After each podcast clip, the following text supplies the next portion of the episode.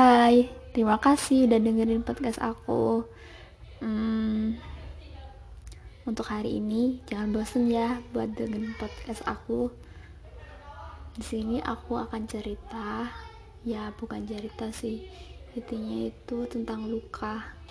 Hmm, dengerin ya.